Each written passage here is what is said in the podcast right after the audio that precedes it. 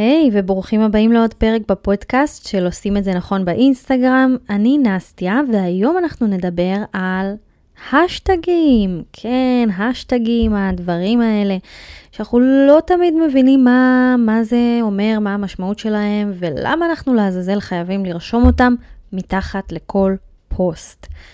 אז בואו נראה, יש לנושא של האשטגים כמה אסכולות וכמה גישות, נזכור אותם היום, ובסופו של דבר נחליט מה נכון לעשות, מה אני חושבת שנכון לעשות, ואיך האשטגים בעצם יכולים לעזור לכם.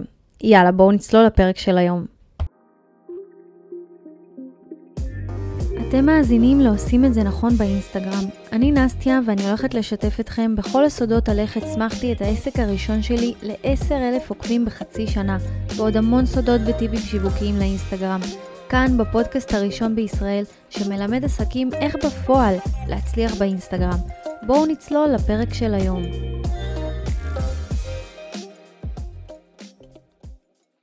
טוב, אז השטגים. פעם אומרים לנו, תשימו 30 השטגים ותקבלו חשיפה. לאחר מכן אנחנו רואים מישהו שבכלל מציע לנו לשים עשרה השטגים וזה יעזור לנו להיחשף.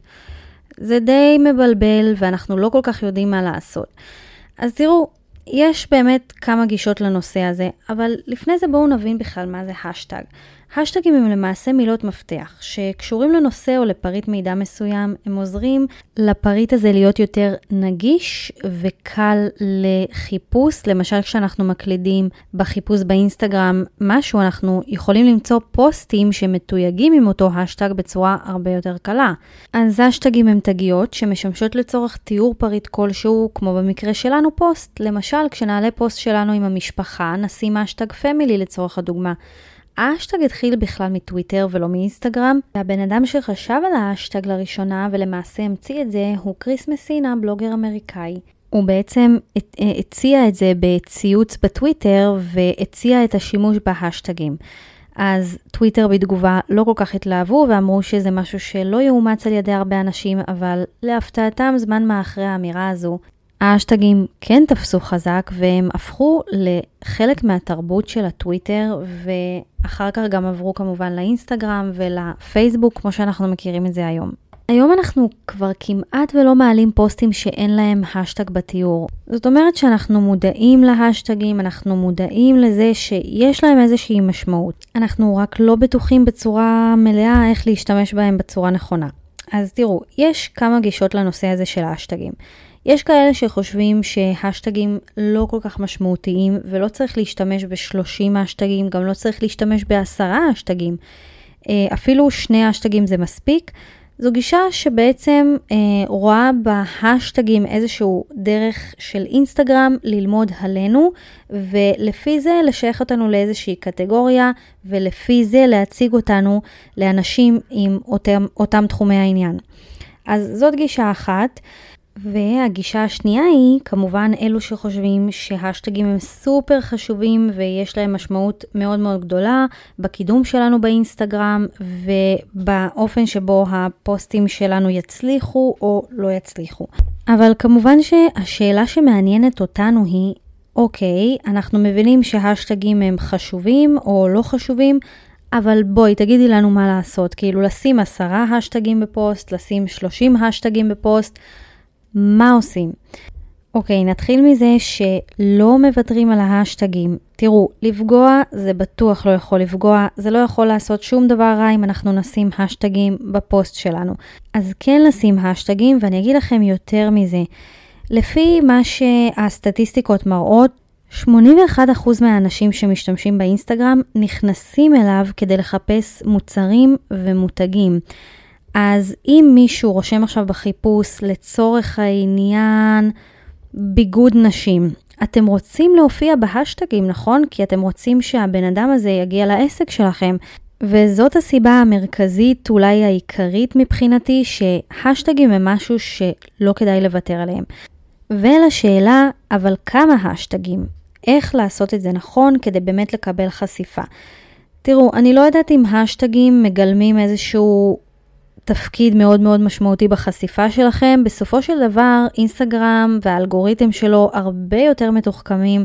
תראו, זה באמת לא כמו פעם. פעם, באמת, אם היינו רושמים השטג אהבה על הפוסט, היינו מגיעים להמון המון משתמשים לא קשורים, לא רלוונטיים. אמ, אז באמת היום זה טיפה יותר שונה, האלגוריתם הרבה יותר מתוחכם, אז אשטגים הם לא הכי משמעותיים בחשיפה שלכם, אבל שוב, אני אמרתי לכם את הסיבה העיקרית. יחד עם זאת, אני כן חושבת שהשימוש הכי נכון בהשטגים זה לשים בכל פוסט 10 עד 15 אשטגים שקשורים לפוסט, שקשורים לתחום העניין שלכם, שקשורים לעסק שלכם. וגם כאן כשאתם שמים את האשטגים בפוסט שלכם, אני מאוד ממליצה ללכת על חוקיות מסוימת, אני מיד אציג לכם את החוקיות, אבל אה, מה שכן צריך לשים לב זה שאנחנו שמים השטגים פופולריים, טרנדיים, רלוונטיים, שמחפשים אותם, ולא האשטגים שיש להם עכשיו פוסט אחד ואף אחד לא מתעניין בהם. דברים שבאמת רלוונטיים לעסק שלכם, וגם שיש להם חיפושים. אז החוקיות שלפי דעתי עובדת הכי טוב עם כל הנושא הזה של האשטגים היא כזו. מתוך כל 15 האשטגים, חמישה יהיו גדולים, חמישה יהיו בינוניים וחמישה יהיו קטנים. למה הכוונה? אשטגים גדולים הם בדרך כלל, תלוי כמובן בתחום, יש תחומים שאשטגים גדולים יכולים להגיע גם למיליוני פוסטים, אבל אני מדברת על התחום של השיווק, בדרך כלל המקסימום זה 50 אלף פוסטים. אז אני הולכת על אשטגים שכשאנחנו נכנסים אליהם, אנחנו בעצם רואים שיש 50 אלף פוסטים בהשטג הזה, תחת האשטג הזה.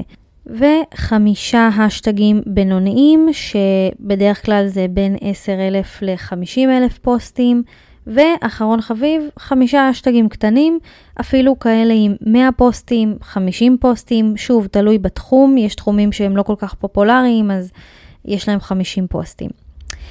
עכשיו, אם לא כל כך הבנתם את כל הנושא הזה של הפוסטים, 50 אלף פוסטים, על מה היא מדברת, תראו, אני אתן לכם עכשיו כלי חינמי לחלוטין, שבעצם אתם רושמים אותו בחיפוש בגוגל, אתם נכנסים אליו, והוא נותן לכם את האשטגים לפי הפופולריות שלהם, ובעצם הפופולריות נמדדת לפי כמות הפוסטים שיש תחת אותו אשטג. אז לכלי הזה קוראים Hashtag Stack. Hashtag Stack, זה לא ממומן, זה לא כמובן איזשהו שיתוף פעולה, זה באמת כלי שאני פשוט משתמשת בו. אה, אז באמת אתם רושמים את זה בחיפוש, אתם נכנסים ל Hashtag Stack וגם אתם יכולים לראות אצלי בפרופיל באינסטגרם, אני עשיתי לגבי זה פוסט, אה, לפוסט קוראים שלושה כלים חינמיים לקידום האינסטגרם ובתוך הפוסט אתם יכולים למצוא עוד אה, שני כלים שגם יכולים לעזור לכם, אבל יש שם גם את ה Hashtag Stack. אז באמת זה כלי נורא נחמד, אני אוהבת לתכנן בעזרתו את ההשטגים שאני הולכת להעלות, ככה אני יודעת שבאמת אני משתמשת בפוסט שלי בחמישה גדולים, חמישה בינוניים וחמישה קטנים. זה עושה לי סדר בהשטגים, בכל הנושא הזה. ובכלל זה כלי מאוד נחמד כי אנחנו רושמים בעצם בחיפוש של הכלי, אנחנו רושמים את התחום למשל של העסק שלנו וזה נותן לנו את ההשטגים הרלוונטיים. אני פשוט מסמנת אותם ואז אני עושה קופי וישר מעתיקה אל תוך הפוסט. זה נורא נוח, באמת אני ממליצה לכם. אז זהו חברים, באמת זה נושא האשטגים, עברנו על כל מה שצריך לעבור עליו, וכמובן שתחליטו אתם אם אתם הולכים ללכת גם על השיטה הזו של החמישה עשרה אשטגים. אני חושבת שזאת שיטה חזקה וגם אני יודעת שיש עוד אנשים מומחי אינסטגרם שממליצים על השיטה הזו, אבל כמובן תעשו את המחקר שלכם, תראו מה עובד לכם, תנסו כל פעם לשנות דברים. אני אחרי כמה וכמה ניסיונות באמת הבנתי שזה עובד לי הכי טוב. אז מוזמנים לכתוב לי באינסטגרם אם אתם הולכים לנסות את השיטה ולהגיד לי אם זה עובד לכם או לא עובד לכם. תנו לשיטה הזו איזה שבועיים, שלוש, ככה ניסיון, אל תעשו את זה עם שני פוסטים ותוותרו, תנו לזה כמה זמן, תראו איך זה עובד לכם, וזהו. אז תודה שהאזנתם לפרק של היום, ואנחנו כמובן נשתמע בפרק הבא של עושים את זה נכון באינסטגרם.